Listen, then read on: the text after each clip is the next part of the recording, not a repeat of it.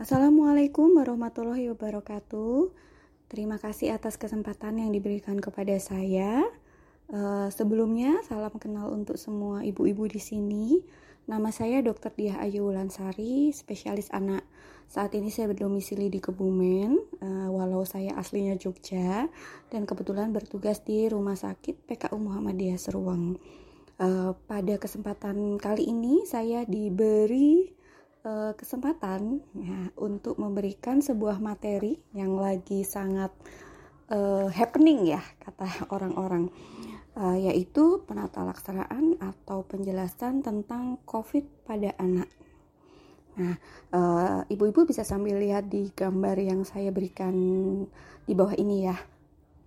Jadi COVID pada anak itu seperti yang ibu-ibu tahu sebenarnya uh, dimulainya adalah dari Wuhan, Tiongkok, yaitu pada akhir Desember tahun 2019. Dan sampai saat ini sudah dipastikan terdapat 65 negara yang terjangkit oleh virus ini. Nah, pada awalnya menunjukkan 60 pasien berkaitan atau terpajan dengan salah satu pasar seafood atau live market di Wuhan, Provinsi Hubei, Tiongkok. Nah, kemudian hasil isolatnya menunjukkan bahwa ini adalah infeksi coronavirus tipe baru. Jadi sebenarnya kalau coronavirus itu banyak tipenya dan diberi nama uh, coronavirus 2019 nCoV pada tanggal 11 Februari 2020.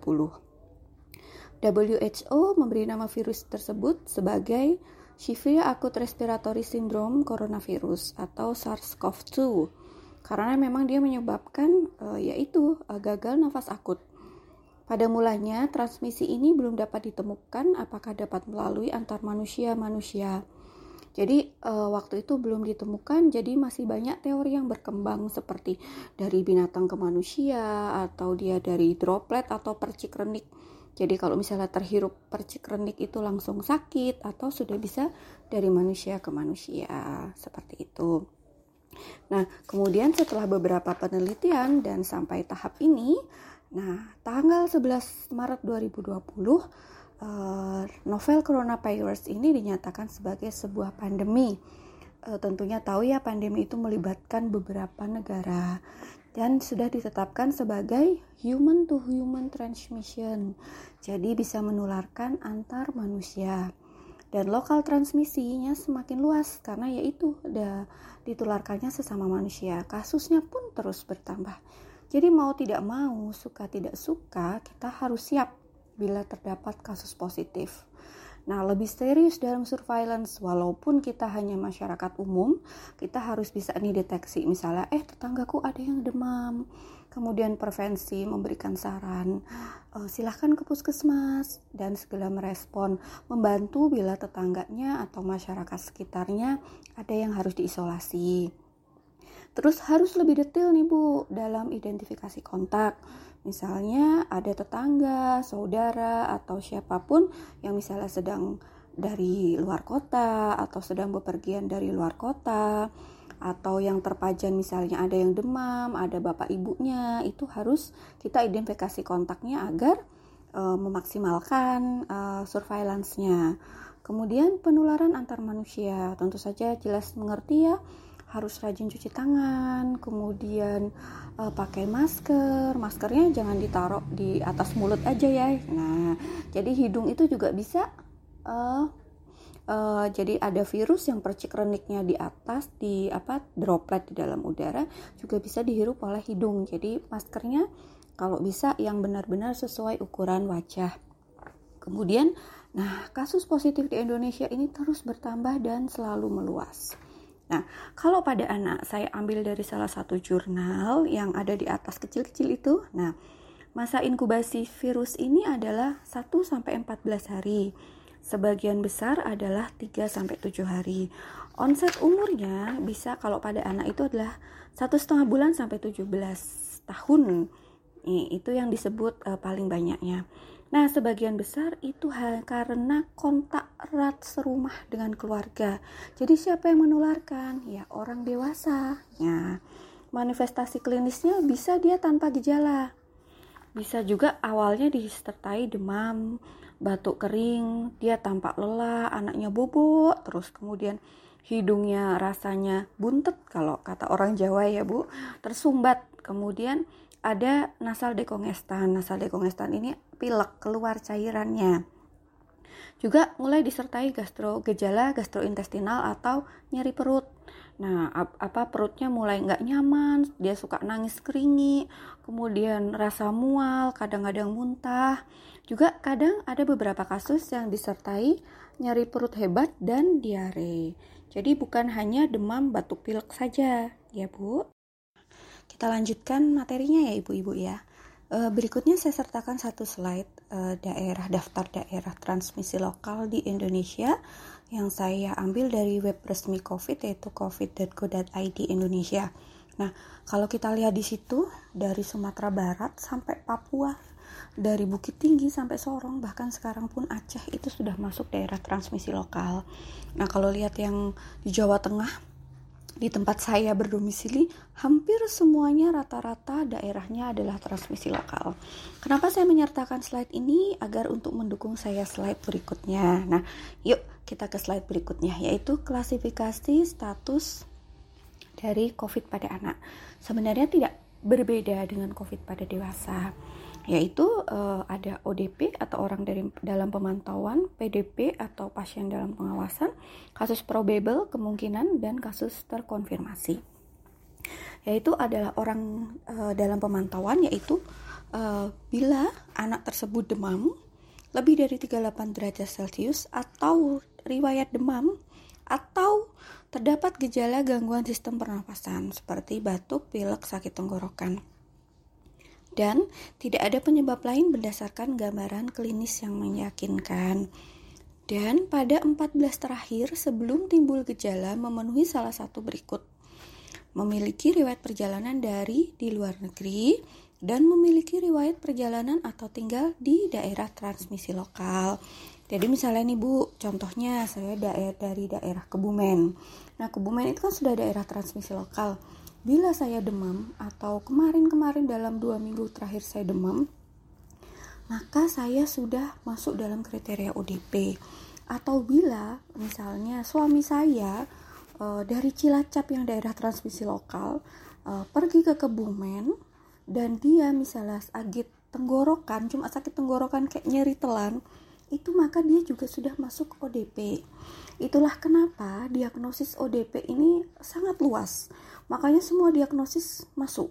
Akhir-akhir ini kan banyak isu yang menyebutkan kok di rumah sakit apa-apa didiagnosis COVID. Karena yaitu walaupun ibu luka misalnya jatuh kepentok pintu bengkak tapi ibu dari, dari daerah transmisi lokal ibu sudah ODP atau ibu hanya pilek aja nggak begitu parah nih tapi ibu misalnya dari beberapa hari yang lalu dalam dua minggu lalu dari Jakarta Bogor kemudian Purwokerto kemudian dari Surakarta Surakarta ibu itu sudah masuk ODP ya. Jadi luas sekali. Makanya kemarin ada yang bilang kok stroke tiba-tiba jadi COVID? Itu tidak.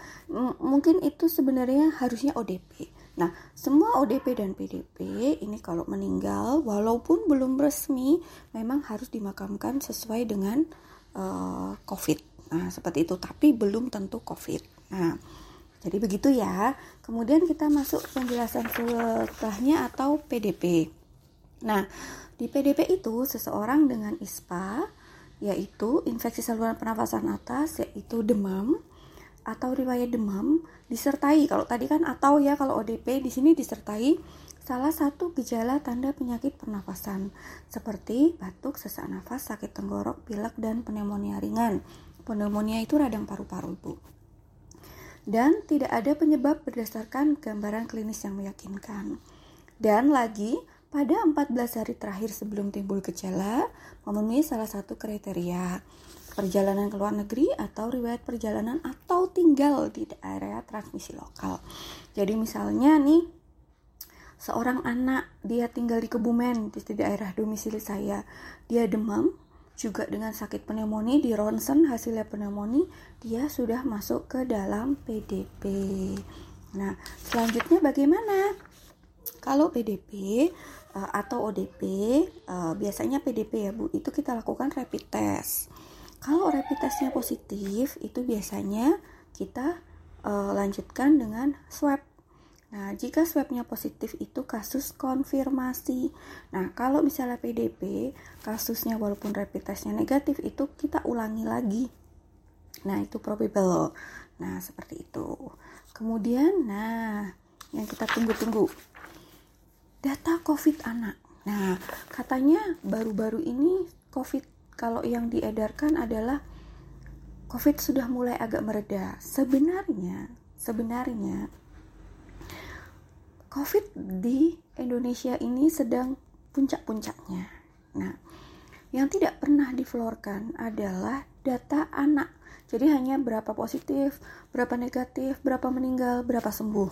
Nah, padahal kalau ibu lihat di akumulasi data COVID anak yang dikumpulkan oleh Ikatan Dokter Anak Indonesia, Tanggal 9 April itu PDP 879 dan update tanggal 1 Juni kemarin PDP anak yaitu yang tadi yang ibu, sudah saya jelaskan sebanyak 4543 yang meninggal 163 kasus konfirmasi 955 dan konfirmasi meninggal 26 anak ya jangan jangan ih yang meninggal kok sedikit Jangan, lihatlah berapa banyak yang konfirmasi. 955 dengan PDP. PDP itu masih menunggu hasil swab. Sebanyak 4543. Itu sudah suatu angka yang cukup besar. Karena tidak ada seorang anak pun berhak meninggal karena COVID. Gitu ya Ibu. Kemudian kita lihat lagi bawahnya ada grafik lagi. Kalau kita lihat kasus PDP anak semakin meningkat.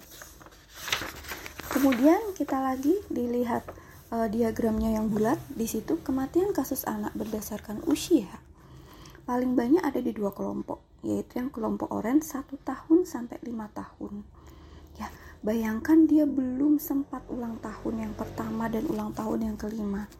Kemudian kelompok dua adalah usia 6 tahun sampai 9 tahun. Berarti itu rata-rata masih uh, balita, masih masih bayi, batita, balita, bahkan belum sampai remaja. Ya. Kemudian selanjutnya kalau kita lihat slide, ini saya update-nya tanggal 10 karena saya buat slide-nya ini tanggal 10 dari uh, dari web resmi juga. Kalau kita lihat di sini grafiknya yang warna biru tua, itu adalah jumlah positif.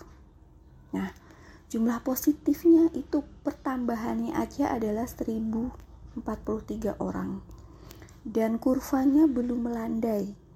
Nah, masih terus meningkat. Dengan sembuhnya ditambah 510, kasus meninggalnya per tanggal Juni tanggal 10 adalah di 4 tambah 40 orang. Nah,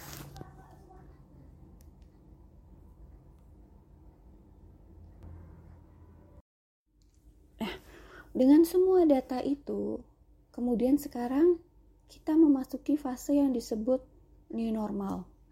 Really? Dengan data seperti itu? Nah, itulah menjadi uh, sebuah tanda tanya atau kekhawatiran kita semua sebagai uh, seorang ibu atau seorang dewasa yang mempunyai anak. Nah, saya ambil data dari WHO atau World Health Organization. Apa sih kriteria-kriteria uh, yang harus dipenuhi jika sesuatu negara itu sudah uh, mau memasuki uh, new normal. Yaitu tadi satu adalah tiga pertanyaan pentingnya. Nomor satu adalah secara epidemiologi. Apakah wabah itu telah terkendali? Ayo yes or no? Kalau lihat dari grafik tadi kira-kira sudah terkendali belum nah kemudian saya juga ambil dari WHO bahwa uh, indikasi bahwa epidemi telah terkendali itu adalah satu jumlah kasus terkonfirmasi atau diduga COVID itu menurun paling tidak 50% selama 3 minggu. Nah, padahal kasus kita masih terus naik. Kemudian hanya kurang dari 5% dari semua sampel yang diuji ditemukan positif COVID selama paling tidak dua minggu dengan asumsi pemantauan khusus ke pemantauan kasus dilakukan secara komprehensif. Ya, kemudian paling tidak 80% kasus yang ditemukan adalah kasus dari kontak yang telah diketahui dan dapat dihubungkan dengan klaster yang telah diketahui. Dan jumlah kematian kasus yang sudah terkonfirmasi menurun selama paling tidak tiga minggu. Nah, kalau dilihat dari grafik tadi, kita juga masih ada terus kasus kematian. Kemudian penurunan kelebihan angka kematian karena pneumonia dan penurunan terus-menerus dalam angka pasien yang dirawat dalam pasien yang masuk ICU selama paling tidak dua minggu. Nah, berarti secara epidemiologi pun negara kita, lingkungan kita itu belum bisa dipenuhi standar new normal. Nah, kemudian sistem kesehatan. Apakah sistem kesehatan kita akan mampu menangani kasus COVID-19 bila terjadi pelonggaran protokol kesehatan? Nah, kalau ibu-ibu tanya, eh, betapa jumlah dokter, betapa jumlah perawat itu dibandingkan masyarakat itu sedikit sekali. Bisa satu banding 50, bisa satu banding 100 dan lain-lain apalagi spesialis ya dokter spesialis itu bisa satu banding 150 orang. Nah uh, kemudian bed bed rumah sakit. Jika terjadi pelonggaran dan terjadi second wave atau gelombang kedua rumah sakit cukup nggak untuk menanganinya? Masih banyak nggak ICU ICU yang kosong? Masih ada tidak alat-alat ventilator yang akan dipenuhi bila pasien COVID-nya terjadi pneumonia? Nah uh, bahkan hal itu pun tidak pernah kita pikirkan. Nah jadi itu secara nomor dua yang uh, eh, WHO bica uh, bicarakan. Kemudian nomor tiga pemantauan kesehatan masyarakat. Jadi apakah pemantauan kesehatan mampu mendeteksi dan menangani tiap kasus yang muncul menelusuri semua kontak dan mengidentifikasi peningkatan kasus. Nah, kalau yang ini saya akui dalam negara kita ini sudah cukup berjenjang. Jadi baik dari Pak RT, Pak RW, tetangga, puskesmas itu juga semua turut andil. Dan insya Allah kalau uh, di dalam hal ini kita semua sudah cukup bagus ya. Saya tidak bilang uh, uh, yes or no, tapi menurut saya ini sudah cukup bagus. Nah, jadi dari tiga pertanyaan tersebut, nah silahkan disimpulkan sudah new normalkah kita atau bagaimana? Setelah tadi kita bisa simpulkan cukup siap nggak negara kita itu untuk masuk sebuah definisi new normal menurut WHO? Nah, itu tadi sudah jawabannya kita bisa simpulkan ya. Kalau saya sendiri sih menyimpulkannya tidak. Uh, awal bulan kemarin kita dikejutkan oleh suatu wacana yang adalah bahwa uh, sekolah akan dibuka kembali. Tentu saja itu sebagai sebuah pemikiran ya bagi kita orang tua. Kita cukup siap nggak? Kita rela nggak? Atau bagaimana kalau misalnya memasukkan anak ke sekolah itu malah memperbesar suatu pandemi? Jadi bisakah e, negara kita ini sudah memulai membuka sekolah kembali? Ya dalam satu slide kita bisa lihat di sini adalah data ya, dari suatu jurnal yang menyebutkan bahwa testing di Indonesia itu paling rendah dibandingkan negara tetangga tidak sampai satu per seribu orang Bahkan testing kita itu lebih rendah daripada Pakistan yang notabene negaranya lebih berkonflik, lebih uh, miskin dan uh, banyak hal yang terjadi sedang terjadi di negara itu. Nah, uh, anak yang sudah terpapar COVID dengan nilai sebanyak 4000 PDP seperti yang tadi yang saya kita sebutkan, itu hanya yang ditesting. Bagaimana kalau yang tidak ditesting? Padahal hanya satu per seribu orang yang ditesting. Kalau kita menggandakan angka testing, sudah pasti angka positif anak akan meningkat. Nah, pada suatu uh, jurnal lagi saya uh, ada di slide di bawah ini, COVID-19 in School: The Experience in New South Wales, Australia. Karena nilai COVID di Australia di NSW ini sudah mulai uh, turun, maka uh, di Australia dibuka kembali sekolahnya. di 15 sekolah di uh, New South Wales, Australia, ada 18 kasus ditemukan antara 5 Maret sampai 3 April 2020. Siswa, 9 siswa dan 9 staf.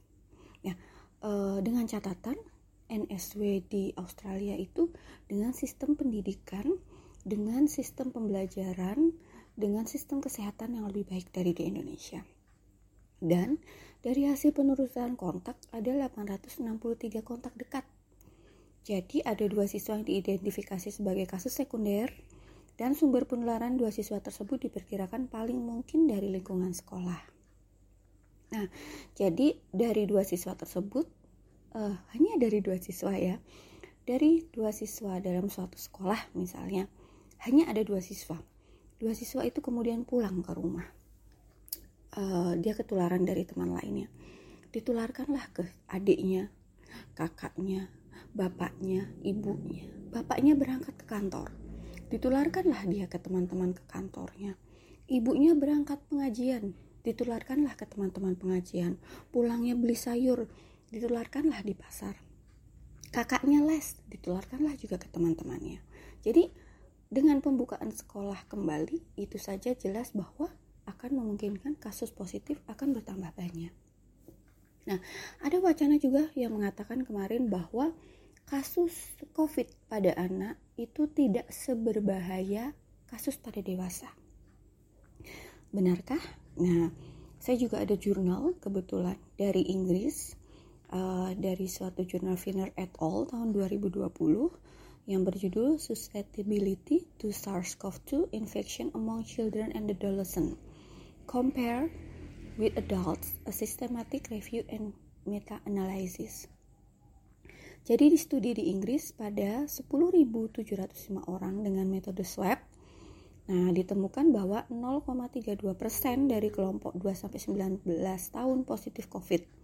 Nah, hal ini serupa dengan kelompok usia 20-49 dan 50-69. Jadi, anak sama besarnya kemungkinan terkena sakit COVID. Kemudian, studi seroprevalensi di Swiss menemukan 6% dari kelompok 5-19 tahun sama serupa dengan kelompok usia 20-49 tahun.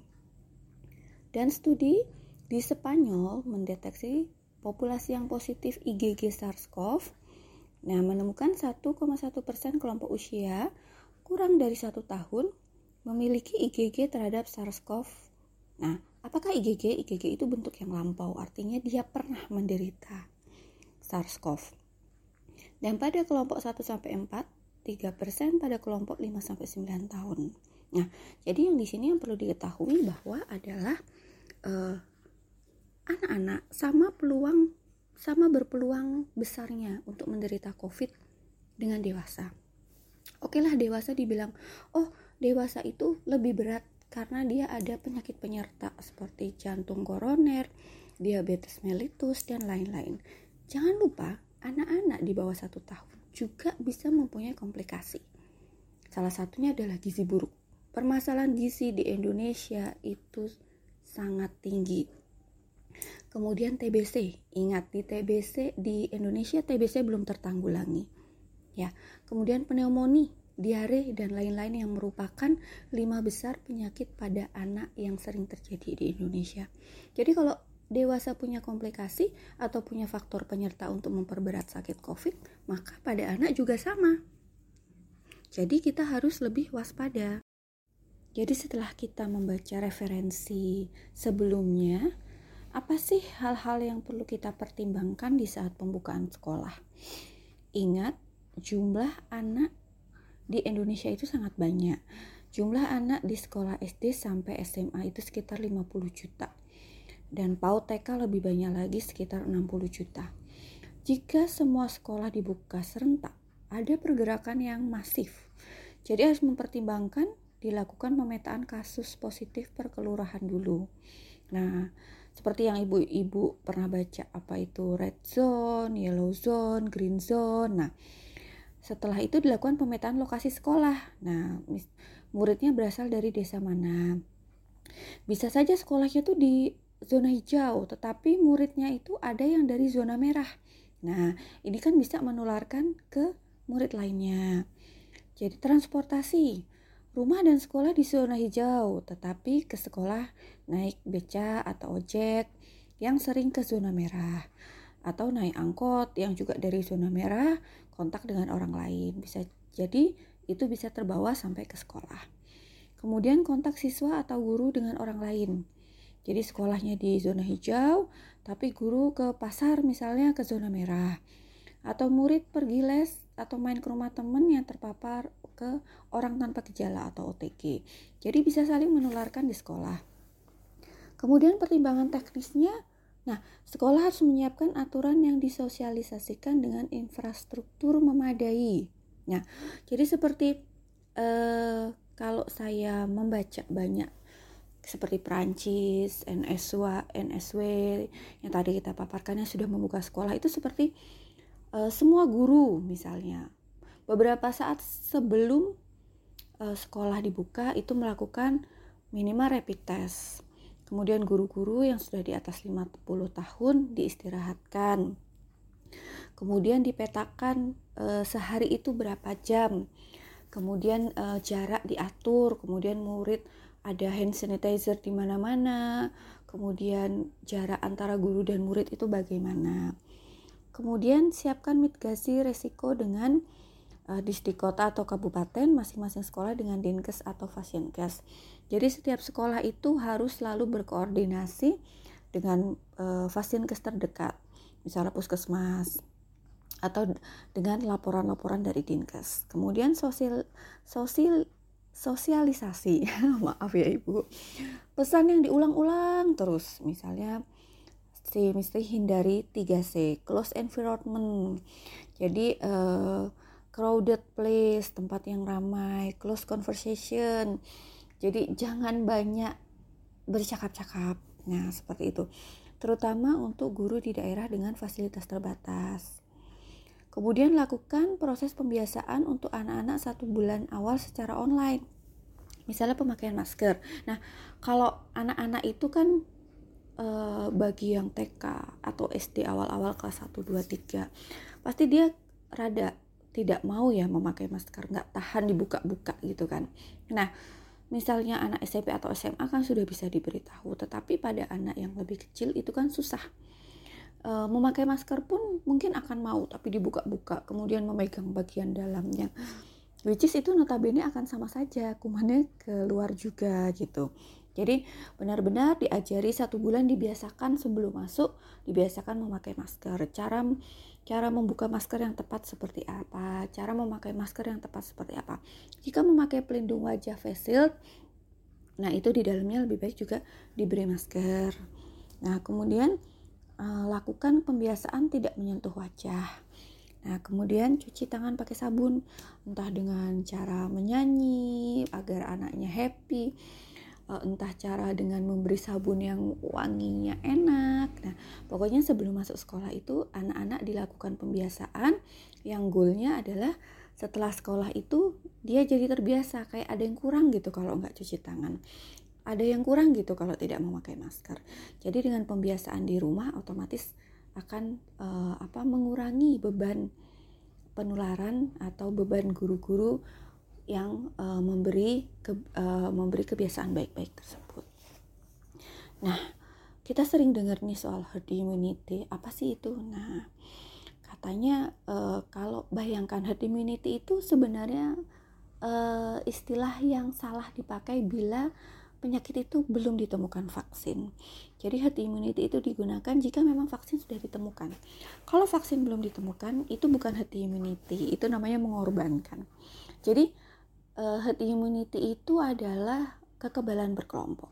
Jadi misalnya satu orang divaksin, kemudian dia uh, misalnya dalam satu kelas, anggap saja satu kelas isinya 20 orang. Nah, satu kelas itu yang divaksin adalah 10 orang. Nah, 10 orangnya dia tidak divaksin. Otomatis jika 10 orang itu dia akan melindungi temannya 10 orang itu dari penyakit. Caranya itu gimana? Misalnya ada teman dari kelas lain menulari, Hatsin dia bersin. Bersin di depan orang yang vaksin dan tidak vaksin. Karena dia sudah divaksin, kekebalan tubuhnya otomatis baik. Dan dia tidak akan lari lagi kepada yang non vaksin. Jadi terjadilah kekebalan kelompok. Tetapi bayangkan ibu-ibu, jika vaksin belum ditemukan dengan jumlah uh, kasus yang terus meningkat, dengan jumlah anak sekolah yang 50 juta dan PAUD TK sekitar 60 juta, kita lepas ke sekolah, apa yang terjadi? Ya, itu seperti uh, kompetisi. Jadi siapa yang kuat, siapa yang menang. Nah, jadi yang siapa yang imunitasnya bagus, yang menang. Itu kan menurut uh, teori. Cuma apa yang terjadi? Otomatis dia akan mengorbankan yang lemah. Nah, herd immunity itu bisa jadi terjadi tanpa vaksin, tetapi dia banyak mengorbankan nyawa.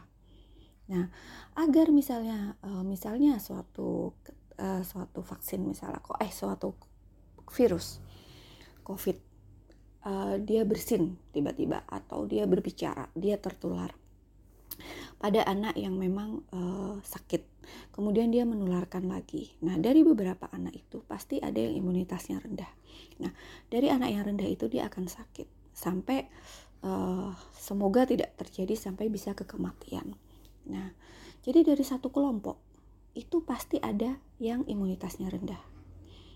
Dari jadi sampai berapa banyak nyawa yang harus dikorbankan untuk membentuk suatu herd immunity di Indonesia. Anak itu adalah suatu kelompok yang harus kita lindungi. Kenapa? Karena anak itu adalah kelompok uh, untuk masa depan bangsa. Nah, jadi kalau anak ini semua terpapar rata-rata, dibiarkan sekolah terpapar COVID agar terbentuk immunity, kemudian banyak kematian anak, apa yang terjadi? Masa depan bangsa tentu saja akan timpang. Eh, banyak anak yang meninggal. Jadi jelas di sini kemarin kalau ibu-ibu ingat awal-awal uh, yang menyarankan agar sekolah di close itu adalah Ikatan Dokter Anak Indonesia. Dan ketika wacana ada uh, bahwa sekolah itu tetap uh, waktu new normal ini dibuka, uh, kita Ikatan Dokter Indonesia juga bersuara. Jadi uh, Ikatan Dokter Anak Indonesia itu mendukung dan mengapresiasi kebijakan Kementerian Pendidikan dan Kebudayaan untuk menjadikan rumah sebagai sekolah dan melibatkan peran aktif guru, orang tua, siswa dalam proses belajar mengajar. Juga IDAI menganjurkan agar kegiatan belajar mengajar tetap dilaksanakan sebagai, nah masih sebagai skema pembelajaran jarak jauh menggunakan modul belajar yang sudah disediakan oleh Kementerian Pendidikan dan Kebudayaan. Anjuran melanjutkan PJJ akan dievaluasi secara berkala. Jadi kalau memang sudah secara epidemiologi sudah membaik, bisa saja misalnya bulan November sudah masuk, bulan September sudah masuk, itu bisa mengantisipasi lonjakan kasus kedua. Sebaiknya sekolah tidak dibuka. Ini yang uh, anjuran kita sekarang ya. Jadi sekolah tidak dibuka sampai bulan Desember 2020. Pembukaan sekolah dapat dipertimbangkan jika jumlah kasus COVID-19 telah menurun. Ini jelas dan alhamdulillahnya usulan ini sudah disetujui oleh Kemendikbud. Jadi tahun ajaran baru tetap dilaksanakan tanggal 13 Juli 2020, tetapi anak-anak melakukan PJJ sampai Desember 2020. Apa yang terjadi kalau Desember 2020 lonjakannya belum menurun? Ya, ada kemungkinan kita perpanjang lagi. Tetapi goalnya adalah semoga Desember 2020 itu kenapa disarankan IDAI? Satu, karena jangka waktu yang lama, kedua berharap vaksin segera ditemukan. Jadi kita berdoa bersama ya Bapak Ibu ya. Jadi akhir slide ini ya sebenarnya banyak sekali yang mau saya sampaikan.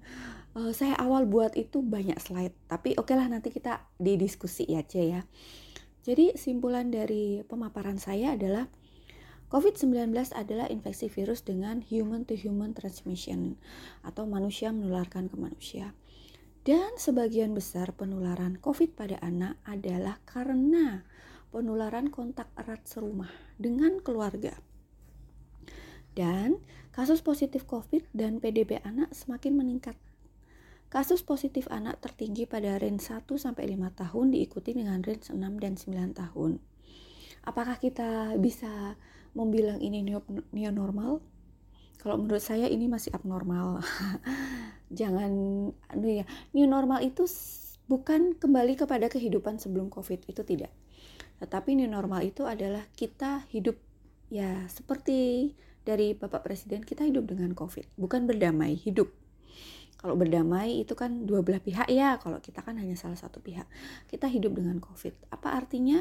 Kita melakukan pembiasaan-pembiasaan yang tidak pernah kita lakukan, tidak bersalaman, tidak cipika-cipiki, lebih sering di rumah, menghindari keramaian, memakai masker, rajin cuci tangan.